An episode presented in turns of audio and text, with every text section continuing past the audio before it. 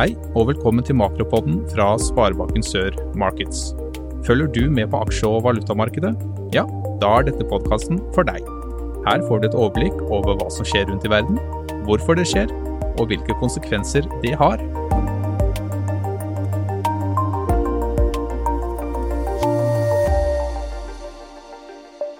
Da sier vi vel møtt til en ny makropod fra Sparebanken Sør Markeds. Da eh, er det hyggelig å ønske dere velkommen etter en uh, sommerpause til en ny runde her. Og uh, hvis vi nå skal se på hva som har skjedd og hvordan verden ser ut, så er det klart at det fortsatt har kamp om å få ned inflasjonen.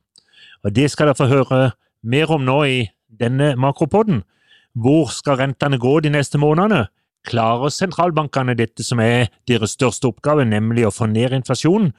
Og det samme spørsmålet som vi har hatt i eh, to år, blir det en hard landing, blir det en myk landing, eller lander vi ikke før i 2024? Økonomiene ser ut til å være sterke, de ser ut til å tåle renteøkningene, men vi skal se litt på hvordan situasjonen er både i USA, vi skal gå til Østen og se på Kina, vi skal se på Japan som verdens tredje største økonomi, vi skal se i Europa, og vi skal se her hjemme. Og så skal vi se på hva vi tror med hensyn til renteutviklinga og den økonomiske utviklinga framover. Men eh, la oss begynne lengst øst. Vi begynner med Kinas økonomi og Kinas utfordringer. Og Der er det veldig stor usikkerhet om utviklinga i kinesisk økonomi. Økonomien den tilføres store beløp eh, i øyeblikket. Det er selvfølgelig utrolig viktig både for forholdet til veksten i Kina og derigjennom for veksten i Asia og verden for øvrig. Men både import- og eksporttallene er svake, eiendomsselskapene sliter veldig. Et av de bedre eiendomskonglomeratene, Country Garden Holding, klarte ikke å betale renter på et stort obligasjonslån sist uke, og dermed så faller aksjekursen dramatisk. Det er nesten halvert i løpet av siste uke, og ratingen ble nedgradert av Moody, og dermed så ser vi at eh, det er bare én av de faktorene som gjør at veksten i øyeblikket ser ut til å bli svak i Kina. Og I øyeblikket så ser vi faktisk et klart fall i eiendomsinvesteringene. Detaljhandelen vokser kun 2,5 og det er langt fra det målet som er på 5-6% Og Det er veldig høy arbeidsledighet blant unge mellom 16 og 25 år. Vi snakker faktisk i junitall så kom statistikken på 21,3% Nå i august så ble like godt statistikken suspendert, en del eh, analytikere konkluderer da med at da var nok tallene enda verre. Eh, men i hvert fall så, så, er vi på et nivå som faktisk er høyere enn eh, nesten det verste vi så under finanskrisen i Europa. Kineserne har kutta renten fra 2,65 nå til ned til dagens nivå på 2,50. Så Kina går motsatt vei av det de store økonomiene gjør. Hvis vi ser litt på andre ting som har skjedd eh, i løpet av de siste ukene, så har vi fortsatt høy prisstigning i Sverige. De tallene kom nå eh, rundt midten av måneden i august og var på 9,3% Og så har vi en rekordsvak rubel. Nå koster eh, faktisk én amerikansk dollar koster 100 rubler. Vi hadde jo en massiv svekkelse av uh, rubelen rett etter Russlands invasjon i Ukraina. Og så gjorde man eh, tiltak i Russland som da gjorde at eh, rubelen ble atskillig sterkere. Men så har vi nå de siste månedene hatt en, gradvis svakere og svakere rubel. Bakgrunnen er eh, fall i energiprisene. Det er liten tillit til russisk økonomi, og ettervirkningene etter Wagner-oppstanden har også vært med på å gjort eh, rubelen så veldig svak.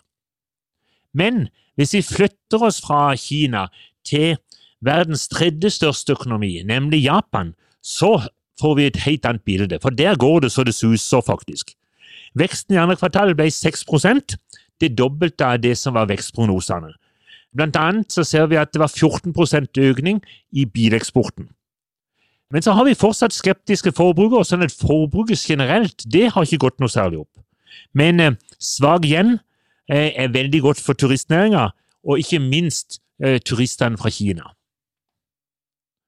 Hvis vi går til USA, så ser vi at det, det er fortsatt en sterk økonomi. Kanskje klarer amerikansk sentralbanken å styre økonomien ned med en, en myk landing. Det kan kanskje tyde på det, og det vil i så fall være første gang som eh, amerikanerne har klart det kunststykket. Det skapes stadig mye nye arbeidsplasser, ledigheten er på rekordnivåer, fortsatt lave, 3,5 stor etterspørsel etter kvalifisert arbeidskraft. Risikoen det er om lønnsveksten blir for høy. Men eh, inflasjonstallene kryper nedover. 3,2% på løpende inflasjon og kjerneinflasjon på 4,7% Så sentralbankrenten er nå på 5,25% Vi tror faktisk at vi er i ferd med å ha nådd toppen. Det som vil være det store usikkerhetsmomentet i øyeblikket, er om lønnsveksten blir høyere enn økonomien vil tåle. Så i øyeblikket så kan det faktisk være sånn at eh, Fed, som har vært eh, den førende når det gjelder i kampen mot inflasjonen, de kan kanskje komme til å gi første rentenedgang i julegave til forbrukerne julen 2023. Så det blir veldig, veldig spennende. Men det kan, eh, la oss si det, det kan komme ytterligere én renteøkning i september eller oktober.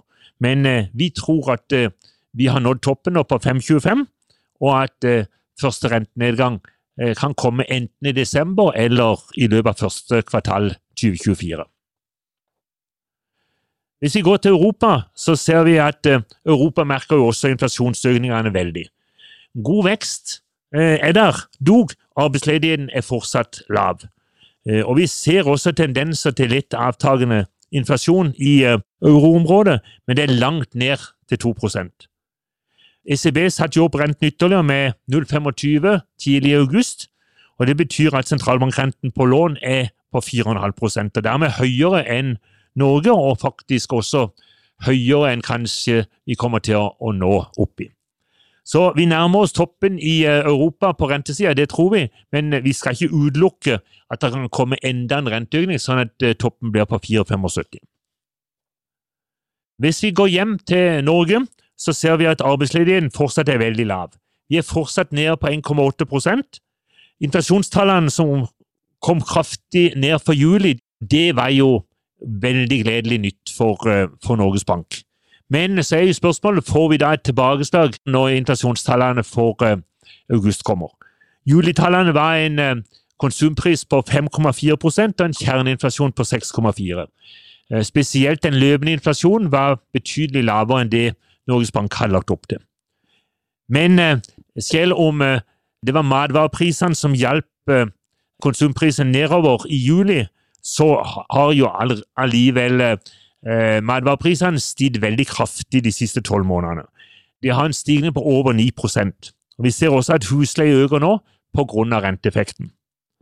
Så, men veksten er god i norsk økonomi, og ser, det ser ut som kanskje renteøkningene nå begynner å bite litt. Vi ser det på flere faktorer, at det er akkurat som man begynner å være litt mer forsiktige. Eh, men vi tror det kommer, det kommer jo eh, en halv prosent fra Norges Bank i, i juni, og så tror vi det kommer ytterligere 0,25 eh, prosent for august. Og så kan det komme en kvarting også i september eller oktober. Så i øyeblikket tror de fleste av maksaktørene på at vi skal få en rentetopp på 4,25, noe som Norges Bank egentlig allerede indikerte 22.6 under sitt møte. Oljeprisen eh, ligger nå på ca. 85 dollar. Eh, generelt god trykk i verdensøkonomien, kombinert med kutt fra Saudi-Arabia, eh, har brakt opp eh, oljeprisen ca. 10 dollar gjennom sommeren. Utfordringene i Kina er viktig for den etterspørselen videre. Og det blir også spennende om hvordan veksten i verdensøkonomien vil påvirke etterspørselen etter olje. Handelsoverskuddet eh, i Norge er halvert fra i fjor. Julitallene viser et overskudd på litt over 61 milliarder, og det skyldes først og fremst betydelig lavere salg av olje- og gassprodukter. Også kombinert med betydelig lavere pris, selvfølgelig. Kronekursen har hatt eh, store utslag gjennom sommeren. Eh, I siste halvpart av juli begynte markedet å tro på at eh, nå kom det nok 50 punkter renteøkning fra Norges Bank i august, og det førte til en markert styrking av krona. Eh, vi fikk faktisk en, en styrking på 7-8-9 i løpet av bare noen uker.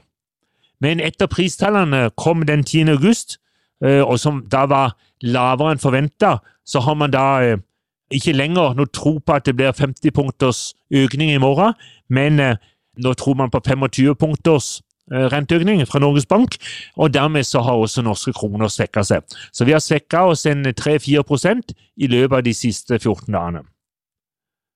Så nå tror vi på altså 25 punkter renteøkning i august, og det, sammen med en økt risiko i markedet, så har det svekka norske kroner de siste dagene.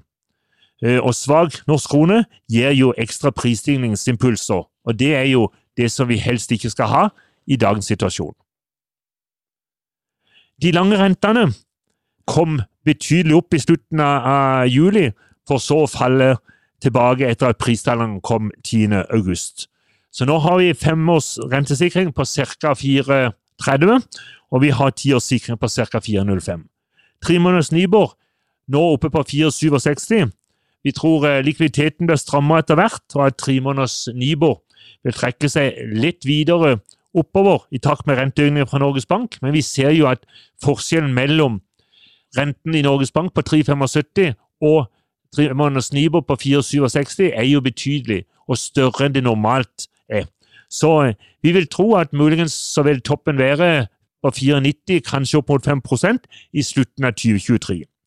Eh, og det er jo da det som at vi, eh, vi tror på to ytterligere renteøkninger i løpet av høsten, og så tror vi at toppen er på 4,25. Men hvordan disse renteøkningene biter fra seg økonomien, både når det gjelder arbeidsmarkedet, når det gjelder krav til lønnsvekst, når det gjelder forbruket og når det gjelder inflasjonsutviklinga, så vil det være avgjørende for hvordan Norges Bank vil agere i andre halvår 2023 og utover i første halvår 2024.